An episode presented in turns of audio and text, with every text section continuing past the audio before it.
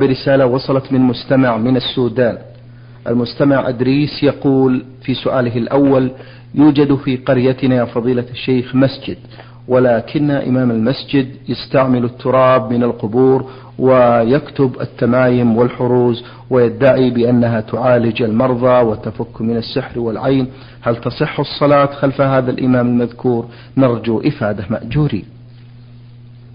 الحمد لله رب العالمين وأصلي وأسلم على نبينا محمد وعلى آله وأصحابه ومن تبعهم بإحسان إلى يوم الدين.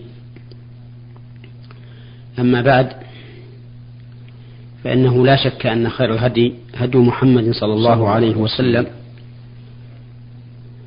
وأن شر الأمور محدثاتها كما كان النبي صلى الله عليه وسلم يعلن ذلك اللهم صل وسلم عليه. في خطب الجمعة.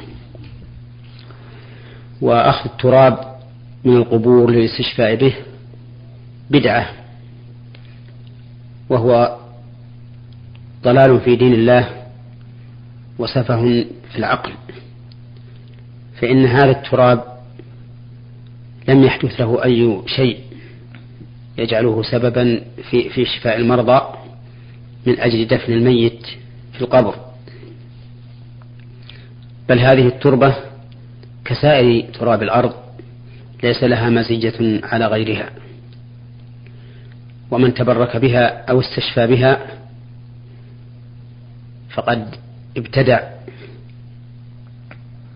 وضل وسافها في عقله. وعليه أن يتوب إلى الله عز وجل من هذا العمل. وأن يعلم أن الشفاء من الله عز وجل وأنه لا شفاء بأي سبب من الأسباب إلا ما جعله الله تعالى سببا. ولم يجعل الله تعالى أخذ التراب من القبور سببا في شفاء المرضى.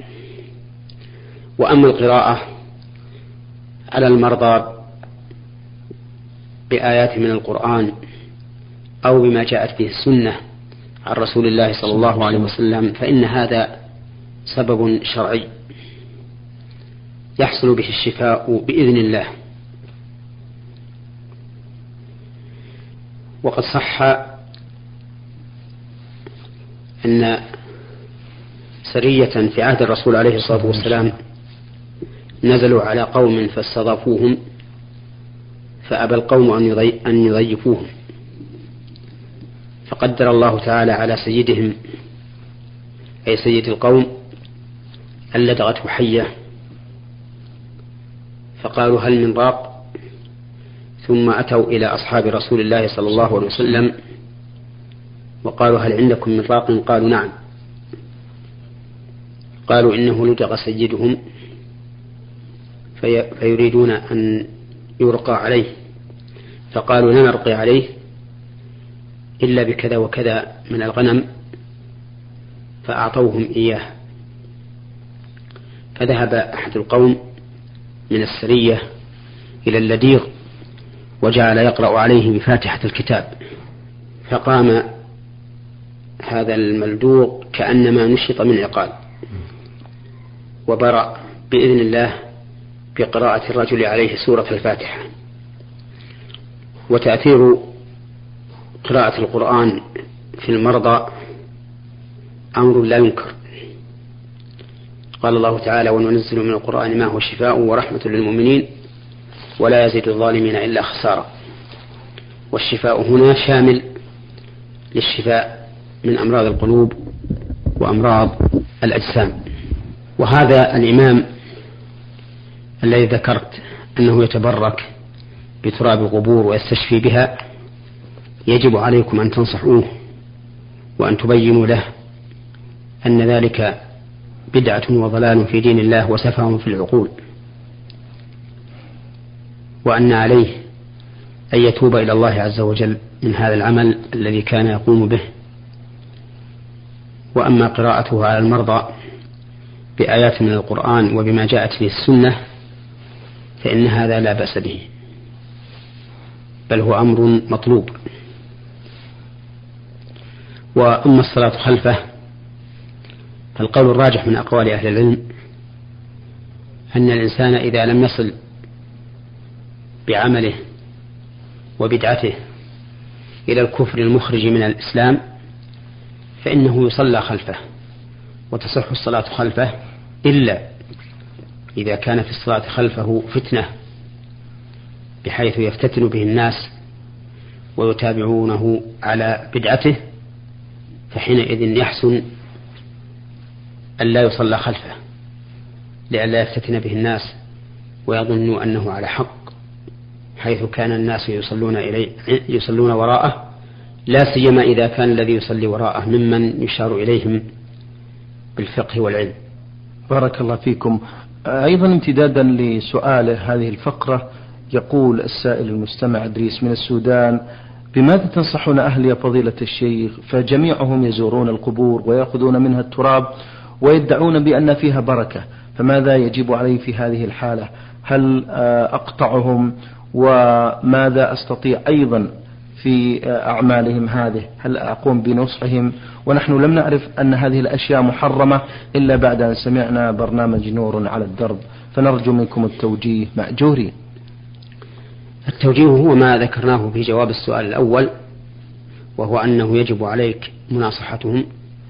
وبيان أن هذا ليس فيه خير وليس فيه بركة لأن الله تعالى لم يجعل فيه بركة يتبرك, يتبرك بها الناس. وليعلم أن الإنسان قد يفتتن أو قد يفتنه الله عز وجل فيأخذ من هذا التراب ويسقيه المريض أو يدهنه به فيشفى بإذن الله. فتنة لهذا الفاعل. يكون ويكون الشفاء عند هذا الفعل وليس بهذا الفعل. أي ليس الفعل سببا ولكن حصل الشفاء عنده بإذن الله تعالى فتنة واختبارا. فإن الله تعالى قد يبتلي الإنسان بما يجعله يفعل بما يجعله يفعل المعصية ليعلم عز وجل من الصادق في إيمانه ومن المتبع لهواه. والمهم أن عليك أن تنصح أهلك عما يفعلونه وتبين لهم أن هذا أمر لا حقيقة له وأنه لم يرد في كتاب الله ولا في سنة رسوله صلى الله عليه وسلم أن التراب تراب الأموات يتبرك به. طيب. نعم. بارك الله فيكم. هذا مستمع للبرنامج محمد السيد يقول في سؤاله بأنه يعمل بمدينة الرياض وسافر إلى مدينة جدة يوم الخميس مساء ثم في صباح يوم الجمعة أحرم من جدة وذهب إلى مكة وقام بأداء مناسك العمرة. مع العلم بأنه كان في نية العمرة قبل خروجي من الرياض. يقول قد أخبرني أحد الإخوان بأنه يجب علي الذبح لأنني كان من المفروض أن أحرم قبل خروجي أو في الطائرة طالما أن في نيتي العمرة قبل الخروج. فهل فعلا يجب علي الهدي أم لا أفيدونا جزاكم الله خيرا؟ نعم إذا كان الإنسان قاصدا مكة يريد العمرة أو الحج فإن الواجب عليه أن لا يتجاوز الميقات حتى يحرم.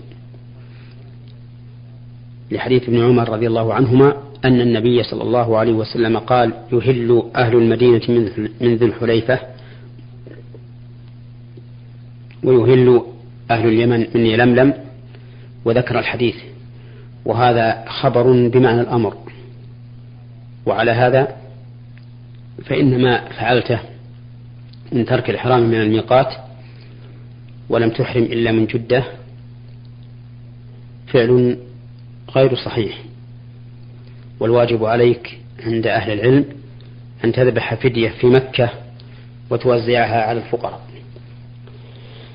أما لو كنت مسافرا إلى جدة وليس من نيتك أن تعتمر ولكن بعد أن وصلت إلى جدة طرأ عليك أن تعتمر فهنا أحرم من المكان الذي نويت فيه العمرة. لحديث ابن عباس رضي الله عنهما أن النبي صلى الله عليه وسلم قال حين وقت المواقيت ومن كان دون ذلك فمن حيث أنشأ حتى أهل مكة من مكة. ولكن كيف يكون الإحرام في الطائرة؟ الإحرام في الطائرة أن يغتسل الإنسان في بيته ويلبس ثياب الإحرام وإذا حال الميقات وهو في الجو لبى وأحرم أي دخل في في النسك. وإذا كان يحب أن لا يلبس ثياب الإحرام إلا بعد الدخول في الطائرة فلا حرج. المهم أن لا تحاذي الطائرة الميقات إلا وقد تهيأ واستتم ولم يبقى عليه إلا النية. والمعروف أن قائد الطائرة إذا قارب الميقات ينبه الركاب بأنه بقي على الميقات كذا وكذا ليكونوا متهيئين. نعم. بارك الله فيكم. أيضا المستمع آه، يقول آه، بأنه يسمع من الإخوة في الندوات الطيبة آه، الدينية قولهم الحمد لله وكفى. فأرجو التكرم بتوضيح هذه العبارة عن كلمة وكفى مأجوري. نعم. معنى قولهم الحمد لله وكفى يعني أن الله تعالى كاف عبده. كما قال الله تعالى أليس الله بكاف عبده؟ وقال تعالى ومن يتوكل على الله فهو حسبه أي كافيه شؤونه وأموره. فالفاعل في قوله وكفى هو الله عز وجل. نعم. وليس معنى وكفى أي كفى قولي بل المعنى الحمد لله وكفى الله أي أن الله تعالى كاف عبده كما في الآية التي قال الله فيها أليس الله بكاف عبده؟ نعم. بارك الله فيكم. آه هذه رسالة وصلت من مستمع للبرنامج المستمع. عين صاد عين هاء الحقيقة رسالته طويلة يقول في مطلعها. هل يجوز للشخص فضيلة الشيخ أن يأخذ من شخص مبلغ من المال كهدية وهو يعلم أنها أنه من الزكاة وقد أحضر المبلغ للمذكور وأعطاه بعضا منه فهل يحل له هذا أم لا؟ إذا كان هذا الذي أخذ المبلغ من الشخص والمال من الزكاة إذا كان من أهل الزكاة المستحقين لها فلا حرج عليه لأن الإنسان لا حرج عليه أن يأخذ ما أحله الله له. وأهل الزكاة ثمانية بينهم الله تعالى في قوله إنما الصدقات للفقراء والمساكين والعاملين عليها والمؤلفة قلوبهم وفي الرقاب والغارمين وفي سبيل الله وابن السبيل. فريضة من الله والله عليم حكيم. فالفقراء والمساكين يأخذون لحاجتهم لكن الفقير أشد حاجة من المسكين. قال أهل العلم ويشمل الفقير أو يشمل ذلك من لم يجد كفايته وكفاية عائلته سنة. وأما من كان يجد الكفاية فإنه ليس من الفقراء ولا المساكين. مثال ذلك لو قدر أن هذا شخص راتبه في الشهر أربعة آلاف ولكن عنده عائلة كثيرة ينفق عليهم في الشهر ستة آلاف. ما بين نفقة ما بين كسوة ومأكل ومشرب وأجرة بيت وما أشبه ذلك. المهم أن الراتب أربعة آلاف وأن ما ينفقه ستة آلاف. فهذا يعطى من الزكاة اثني عشر بل يعطى من الزكاة أربعة وعشرين ألفا لأنه يحتاج كل شهر إلى ألفين. ولكنه لا يعطى أكثر من ذلك. كما قال أهل العلم إن الفقير والمسكين يعطيان ما يكفيهما لمدة سنة. وأما العاملون عليها فهم الذين تنصبهم الدولة لقبض الزكاة وصرفها في مستحقها. وليس العامل عليها من جرت العادة بإعطائه كما يفهمه بعض العامة. بعض العامة يظن أن العاملين عليها هم الذين جرت العادة بإعطائهم من الزكاة وليس كذلك. وإنما العاملون عليها هم الذين تنصبهم الدولة لقبل الزكاة وصرفها في مستحقها وما يتعلق بذلك. وأما المؤلفة قلوبهم فهم القوم الذين يحتاجون إلى تأليفهم على الإسلام إما لكونهم كفارا فيعطون ليسلموا إذا رجي إسلامهم أو كانوا مسلمين لكن يحتاجون إلى تقوية إيمانهم فيعطون من الزكاة ما يقوى به إيمانهم. وأما الرقاب فتشمل الأرقة يشترون من الزكاة فيعتقون. والمكاتب والمكاتبين يعطون من الزكاة لوفاء دين كتابتهم. والأسرى من المسلمين يعطى من أسرهم لفكهم من الأسر. وكذلك المختطف الذي يختطف أحد من الناس ويطلب فدية ولا نقدر على فكه إلا بتلك الفدية فإنه يعطى من الزكاة لفكه. وأما وأما الغارمون فهم المدينون الذين عليهم ديون للناس من ثمن مبيع أو أجرة بيت أو قرض أو غير ذلك وهم لا يستطيعون الوفاء فإن ديونهم توفى من الزكاة. ولوفاء دينه من الزكاة صورتان. الصورة الأولى أن نعطيه هو بنفسه ليوفي دينه. والصورة الثانية أن نذهب نحن إلى الداعن ونوفي عن المدين. ولكن أيهما أحسن؟ نقول إذا كان المدين صاحب دين وأمانة بحيث إذا أعطيناه المال ليوفي دينه أوفاه فإن الأولى أن نعطيه ليوفي ذلك بنفسه حتى لا تظهر عليه المنة.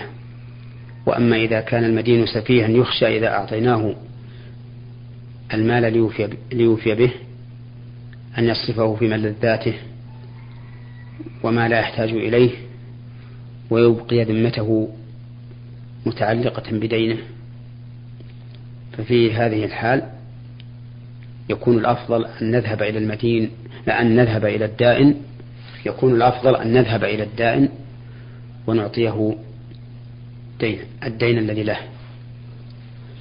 وأما قوله في سبيل الله فالمراد بها الجهاد في سبيل الله. فيعطى المجاهد ما يكفيه لجهاده أو يشترى أسلحة يستعين بها المجاهدون على جهادهم. ومن ذلك أي من الجهاد في سبيل الله التفرغ لطلب العلم. فإذا وجد شخص متفرغ لطلب العلم الشرعي فإنه يعطى من الزكاة وإن كان يستطيع أن يكتسب لو ذهب للاكتساب. وذلك لأن طلب العلم الشرعي من الجهاد في سبيل الله. هؤلاء هم أصناف الزكاة التي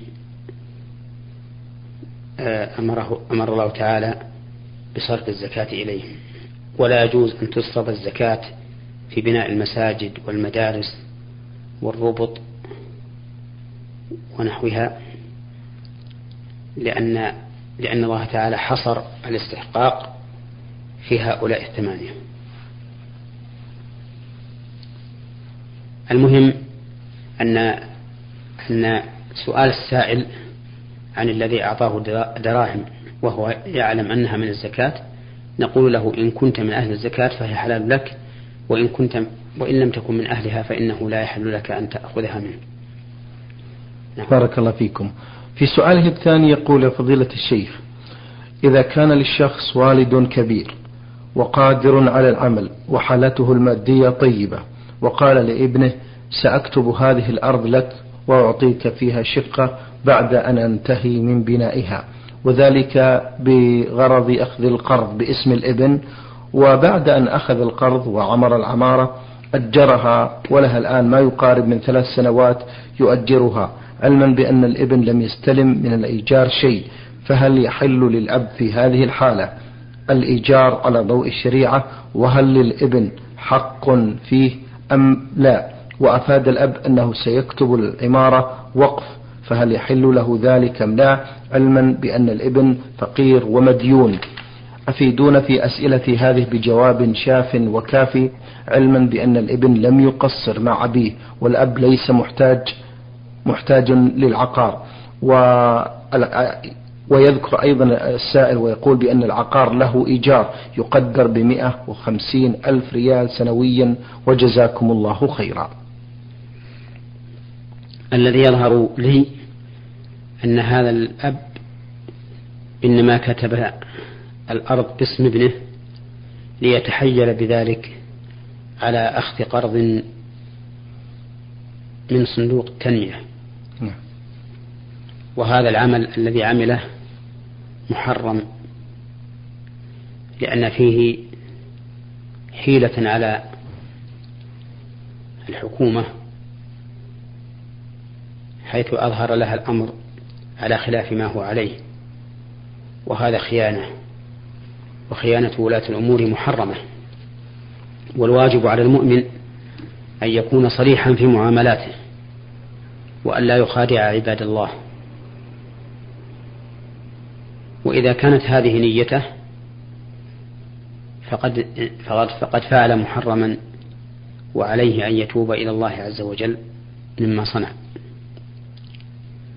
أما لو كان يريد أن يمنحك هذه الأرض منحة حقيقية فإنه لا يحل له أن يمنحك دون إخوتك لأن الإنسان لا يجوز له أن يفضل بعض أولاده على بعض في العطية. لقول النبي صلى الله عليه وسلم اتقوا الله واعدلوا بين أولادكم. فأمر النبي عليه الصلاة والسلام بالعدل بين الأولاد. فإذا كان للإنسان أولاد ذكور وإناث. فإنه إذا أعطى أحدا منهم وجب عليه أن يعطي الآخر مثله. إلا الأنثى فتعطى نصف الذكر. لأن هذه قسمة الله عز وجل في الميراث وقسمة الله تعالى أعدل القسم فإذا كان عند الإنسان أولاد من ذكور وإناث فلتكن عطيته إياهم بالسوية بالنسبة للذكور وبالسوية بالنسبة للإناث. أما بالنسبة للذكور مع الإناث فإن للذكر مثل حظ فإن للذكر مثل حظ الأنثيين. فإذا كان أبوك قد أعطاك إياها عطية حقيقية فإن فإنه لا يحل له أيضا أن يعطيك أن يعطيك إياها عطية حقيقية إلا أن يعطي إخوتك كما أعطاك. وحينئذ ينظر في الأمر. خلاصة الجواب أنه إذا كان أبوك قد جعل هذه الأرض باسمك من أجل أن يتحيل على الأخذ من صندوق التنمية العقارية فهذا حرام عليه لأنه كذب وخيانة للدولة. وأما إذا كان أعطاك هذه الأرض عطية حقيقية فإنه إن كان لك إخوة أو أخوات لا يحل له أن يفضلك عليهم. وإن لم يكن لك إخوة ولا أخوات فهي لك أما ما صنعه أبوك بعد أن بنى عليها العمارة فإن فإنها فإن جواب هذا لا يكون عندي وإنما يكون عند المحاكم الشرعية. بارك الله فيكم. هذه رسالة وصلت من المنطقة الشرقية الخبر المستمع طاء ألف ميم يقول فضيلة الشيخ إذا لم أتمكن من صلاة راتبة الظهر هل علي القضاء بعد الصلاة؟ التعبير بقوله هل علي القضاء فيه نظر وذلك لأن قوله هل علي القضاء يقتضي أن تكون أن تكون هذه الراتبة واجبة والرواتب ليست بواجبة وإنما هي سنة تكمل بها الفرائض. وعلى هذا فنقول إن صواب العبارة أن تقول إذا فاتتني راتبة الظهر الأولية فهل لي أن أقضيها بعد الصلاة؟ والجواب على ذلك نعم. لك أن تقضيها بعد الصلاة. ولكن إذا صليت وأنت لم تصل الراتبة الأولى اجتمع في حقك راتبتان. الأولى والثانية فأيهما تقدم؟ والجواب على هذا أن نقول ابدأ بالراتبة البعدية ثم اقضي الراتبة القبلية. ومثل ذلك لو فات الإنسان راتبة الفجر راتبة صلاة الفجر فإنه يقضيها إذا انتهى من صلاة الفجر وإن شاء أخرها إلى الضحى. لكن إن خاف أن ينساها فإنه يصليها بعد صلاة الفجر أفضل من تأخيرها. شكر الله لكم فضيلة الشيخ وبارك الله فيكم وفي علمكم ونفع بكم. إخوتنا الأكارم انتهت حلقة هذا اليوم من